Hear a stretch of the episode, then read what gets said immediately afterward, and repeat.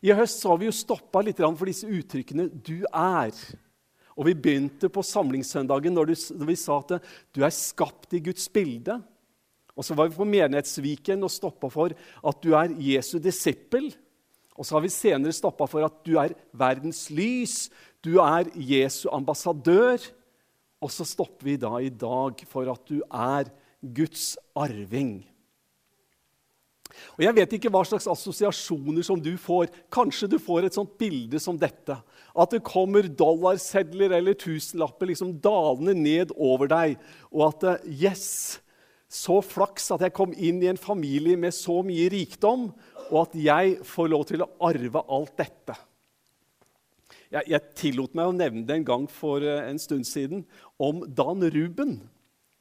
Han er jo eh, sønn av Jan Eilert Åkre, og han setter sikkert ikke pris på at jeg nevner dette, men eh, han er jo ikke her, så da gjør det jo ingenting. Men, men da han var liten, så spurte han Jan Eilert, og sa han Jan Eilert Eller han sa jo ikke det, han sa pappa. Pappa, når du dør Og Jan Eilert liksom trakk pusten og tenkte at nå blir det vel noen vanskelige spørsmål som barn kan være bekymra for. Så Dan Ruben sa, 'Pappa, når du dør, kan jeg da få Mac-en din?' Og, og, det var Dan Rubens sanne og oppriktige spørsmål. Og det viste jo hvor fjernt denne tanken i det hele tatt var for han, og hvor lite problemfylt alt dette kunne være. Han tenkte på når du dør, kan jeg da få Mac-en?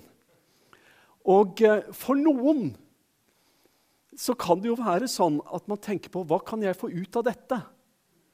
Og det er jo et engelsk uttrykk 'What's in it for me?' som preger veldig mye tankegang.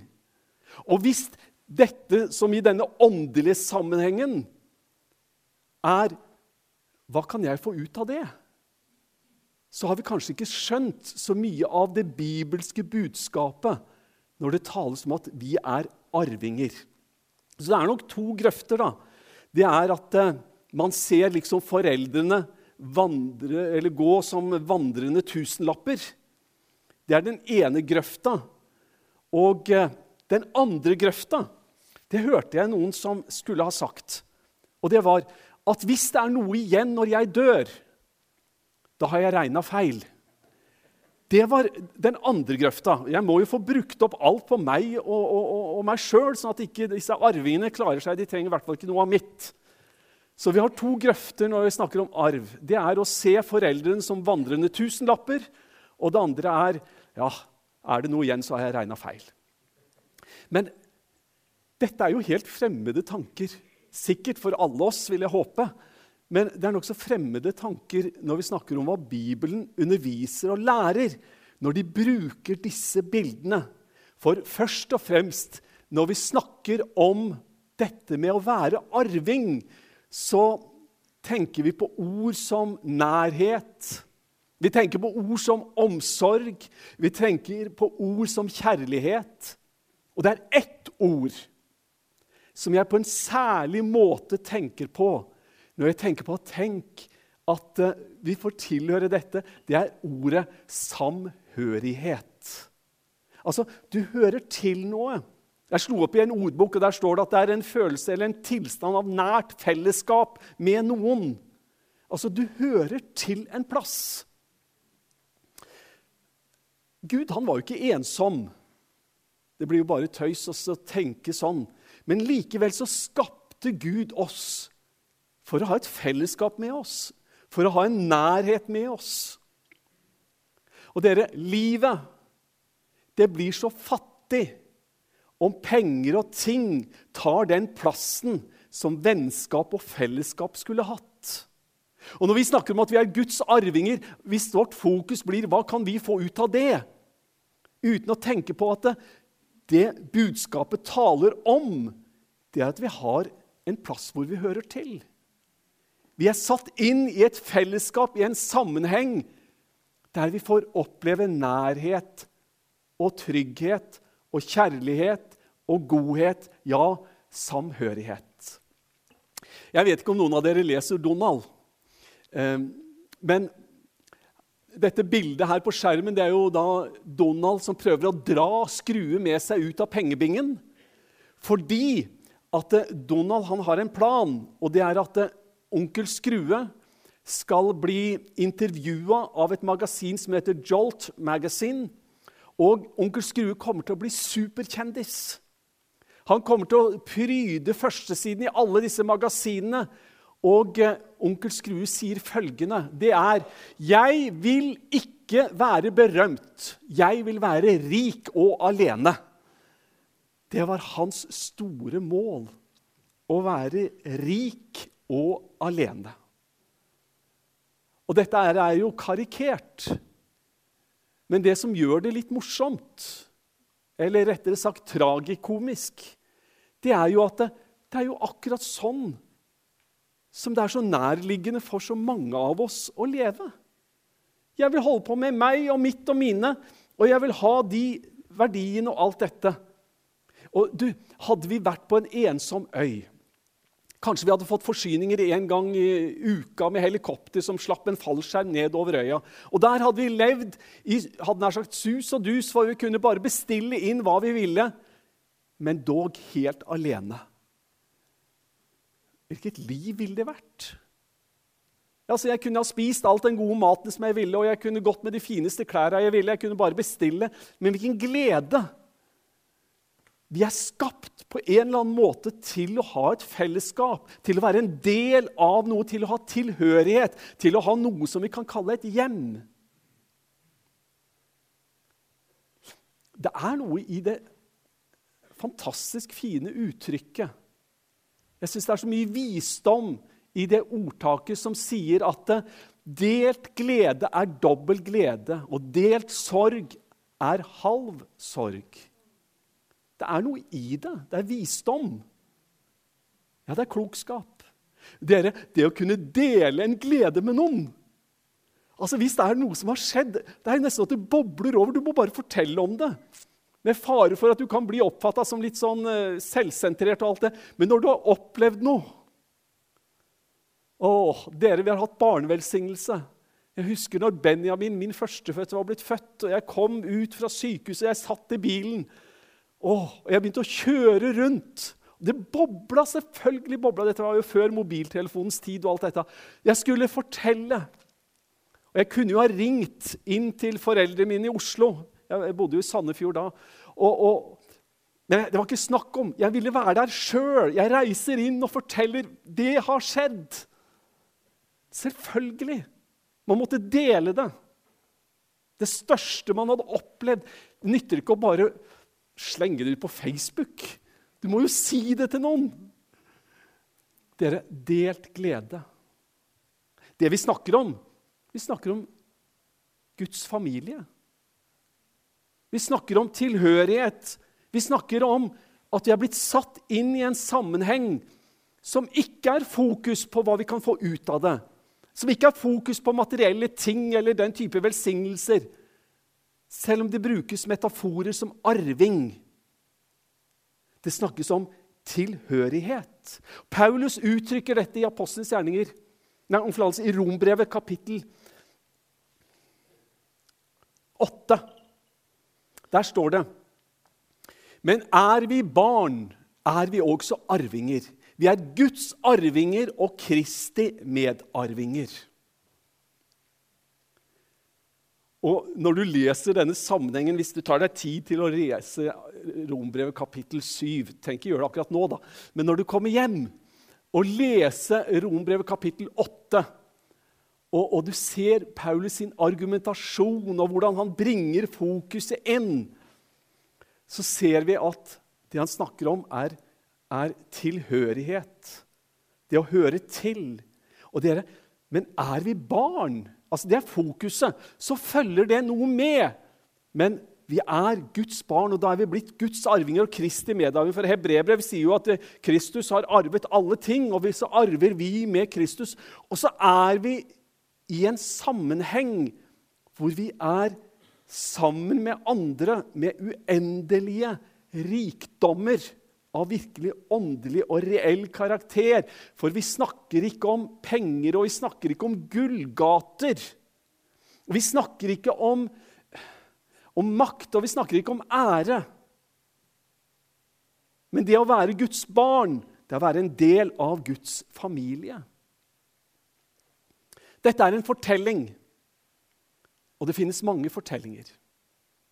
Det finnes mange budskap. Noe er sant, og noe er usant. Eller noe er løgn, og noe er sannhet. Og så blir det sånn av og til at vi må velge hvilken fortelling vi skal tro på.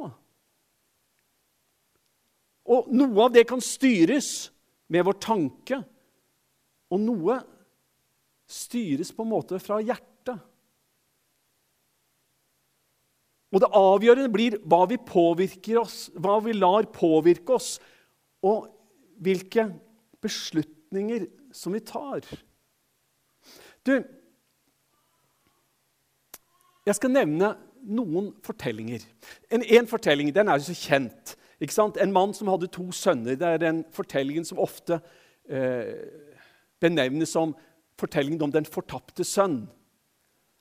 Jeg vet ikke om det er så veldig presis benevnelse for hvor fortapt han er. Det kan sikkert diskuteres, ikke sant? men dere kjenner historien kanskje alle sammen, i hvert fall de fleste. Om en mann som hadde to sønner, og så kommer den ene sønnen og sier 'Jeg vil ha arven min'. Han hadde fokus på tinga. Han hadde ikke fokus på faren, han hadde ikke fokus på fellesskapet. Hans fokus var 'la meg få min arv'. Så fikk han det, og så reiste han av gårde og så brukte han opp pengene på all mulig elendighet. Og så sitter han i en grisebinge til slutt og er sulten og spiser litt av grisematen. Og så tenker han jeg vil dra hjem. Og Så kommer han hjem, og så møter faren han med bare kjærlighet. Og så er det en eldre bror, og han syns ikke noe om hele fortellinga. Kort gjenfortalt. For en fortelling! Men i denne fortellingen så er det fire fortellinger. Ja, to ganger to. Knytta opp til to spesielle hendelser knytta til disse to brødrene. Den ene fortellingen det er sånn som den såkalte fortapte sønnen opplevde det. Hans fortelling var nå har jeg surra bort alt jeg hadde fått. Hele arven er forspilt. Jeg har fornedra meg selv, jeg har fornedra min familie, jeg har fornedra alle. Mitt liv er en total fiasko. Og så fortsetter fortellingen. Jeg er ikke lenger verdig til å være barn av faren min. Men kanskje, hvis jeg kommer hjem og sier jeg vil få lov til å være en tjener, sånn som alle de andre som du har ansatt her på, på gården, kan jeg få lov til å være en av de? Det er hans fortelling. Det er hans virkelighetsopplevelse. At 'jeg har forspilt alt'. Jeg er ikke lenger verdig til å kunne være barn i familien. Jeg har ødelagt det. Kanskje jeg kan få lov til å være en slave, en tjener, hjemme der som jeg en gang var sønn. Fortellingen er jo usann men den var sann for han. Fortellingen om at han ikke var verdig og ikke kunne være barn lenger, den var ikke riktig fordi faren hadde en annen fortelling. Han sa det ikke med så mange ord, men han viste det i handling.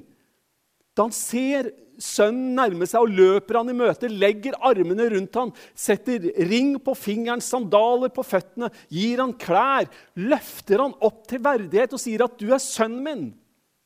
Med all den myndighet som disse symbolske tingene var med på å gi han. Myndighet og autoritet og tilhørighet inn i familien. Det er to historier den ene var den historien som den fortapte sønn hadde da han forberedte sin tale om at han ikke lenger var verdig. Det var den ene fortellingen. Den var usann. Den andre fortellingen var faren som løfter han opp til verdighet. Det er den sanne fortellingen. For han var sønn av faren sin. Han var jo det. Det er flere historier. Og Den andre historien er jo om den hjemmeværende sønnen. Hans fortelling det var OK, jeg er arving, men faren min er så gjerrig. Han har ikke gitt meg geit engang, sånn at jeg kunne ha et lite selskap for mine venner og meg selv. Det er hans fortelling. Jeg er barn. Ja, det er jeg. Jeg har barnerettigheter. Ja. Men faren min er så gjerrig. Og det verste var Nå har jeg sett at den derre sønnen til faren min, som har vært borte lenge, nå har han kommet hjem. Og faren min, han har slakta gjøkalven for hans skyld. Mens jeg ikke engang har fått ei geit. Så urettferdig. Her er jeg slitt. Slava er det riktige ordet oversatt med. Nå har jeg slava her i alle år og ikke fått noen ting. Faren min er urettferdig, han. Det var hans oppfattelse av det å være barn. Det var hans oppfattelse av å være arving. Ingenting. Bare slaveri og elendighet. Mens faren hadde en annen historie. Og det var Men kjære deg. Alt mitt er jo ditt. Altså Går det an å tenke seg forskjellige historier der den ene er sann og den andre er falsk? Disse sønnene hadde misforstått alt hva det var, det å være arving. Den ene tenkte at det er noe jeg må gjøre meg fortjent til. Og hvis jeg har feila, så har jeg mista retten. Og den andre han tenker at det hjelper ingenting. Faren min er så urettferdig og så gjerrig at jeg får ingenting. Mens faren fortalte to andre fortellinger i relasjon til disse to vrengebildene. Og han fortalte at selv den som har mislyktes og ikke fått det til, mister ikke arveretten. For når han kommer hjem og sier han vil være en tjener, så vet vi jo hvordan det er at faren hadde nok tjenere, men han hadde ingen sønner å miste. Og dere som er foreldre Det å kunne omfavne et barn og si 'jeg tilgir deg', det er greit gutten min eller jenta mi. For foreldre er det en ja, det er jo en sånn glede. Man ser, man ser, en utvikling, man ser noe som utvikler seg i riktig retning. Man gleder seg. Man er ikke hevngjerrig. Man, man, man, sitter ikke her med en sånn gullvekt og, og, og skal ha en balanse.